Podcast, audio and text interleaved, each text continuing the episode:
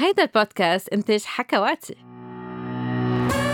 مرحبا مرحبا لجميع المستمعين بحلقة جديدة من حكي سكس مع دكتور ساندرين. اليوم رح نعطي بعض النصايح كرمال نتغلب أم كرمال نحمي حالنا من الجفاف المهبلي. اليوم رح نعطي بعض النصايح كرمال نحمي حالنا ونعالج الجفاف المهبلي. وكتير مهم أنه كل النساء اللي عم بيعانوا بالنشاف بالمهبل واللي عم بيسبب لهم وجع أثناء العلاقة الجنسية إنه يلاقوا حلول أم يفتشوا على الحلول لأنه الحياة الجنسية بتكمل ومش معقول تكمل بالوجع أم بقلة الراحة. فشو لازم نعمل؟ أول شغلة وكتير مهمة إنه نكون عم نمارس الجنس بطريقة منتظمة مش ضروري مع شريك. التحفيز الذاتي في كمان يكون طريقة لممارسة الجنس وهذا الشيء رح يحسن تدفق الدم بالأعضاء التناسلية وبالتالي رح يخفف من الجفاف المهبلي.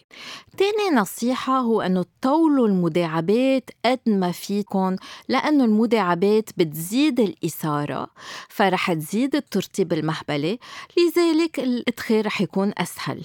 وبعدين ثالث نصيحة هو أنه تعملوا تمارين كيجل. رح تسألوني شو هن تمارين كيجل؟ طبعا رح نحكي عنهم بغير حلقة.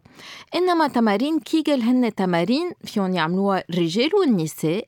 كرمال يشدوا أم يقووا عضلات المهبل. وبس المرأة تشد أم تقوي عضلات الحوض ساعتها رح تقدر هي تحس بالإثارة أكتر أثناء العلاقة. كيف نعمل هو التمارين؟ بدها المرأة تتعلم أنه تتحكم بالعضلة اللي بتوقف التبويل. يعني بتعمل اللي بنسميه نحن بالفرنسي الستوب بي. بمعنى أنها تشد كأنها عم بتوقف البول بعدين ترخي كأنه بدها تبول وتعيد هالحركة كذا مرة كذا مرة بالنهار. هالتمارين خاصة عند المرأة اللي عندها انقطاع الطمس رح تفيدها كتير بحياتها الجنسية. غير نصيحة بحب أعطيها لكل النساء إنه ما يترددوا إنه يستعملوا مزلقات منه شي عيب. أكيد لازم تتجنبوا كل شي في بقلبه فازلين جليسترين أم عطر أم حتى الزيوت. لا بدكم تجيبوا مرطب مائي أو سيليكوني وكتير بيسهل العملية الجنسية وبيخفف كتير من الوجع. وبرجع عيد منه شي عيب أنه تستعملوا مواد مرطبة أو مزلقة. وكمان في بعض المزلقات فيها تنحط بالمهبل قبل العلاقة فبهالطريقة الشريك ما بيعرف أنه استعملته مزلق.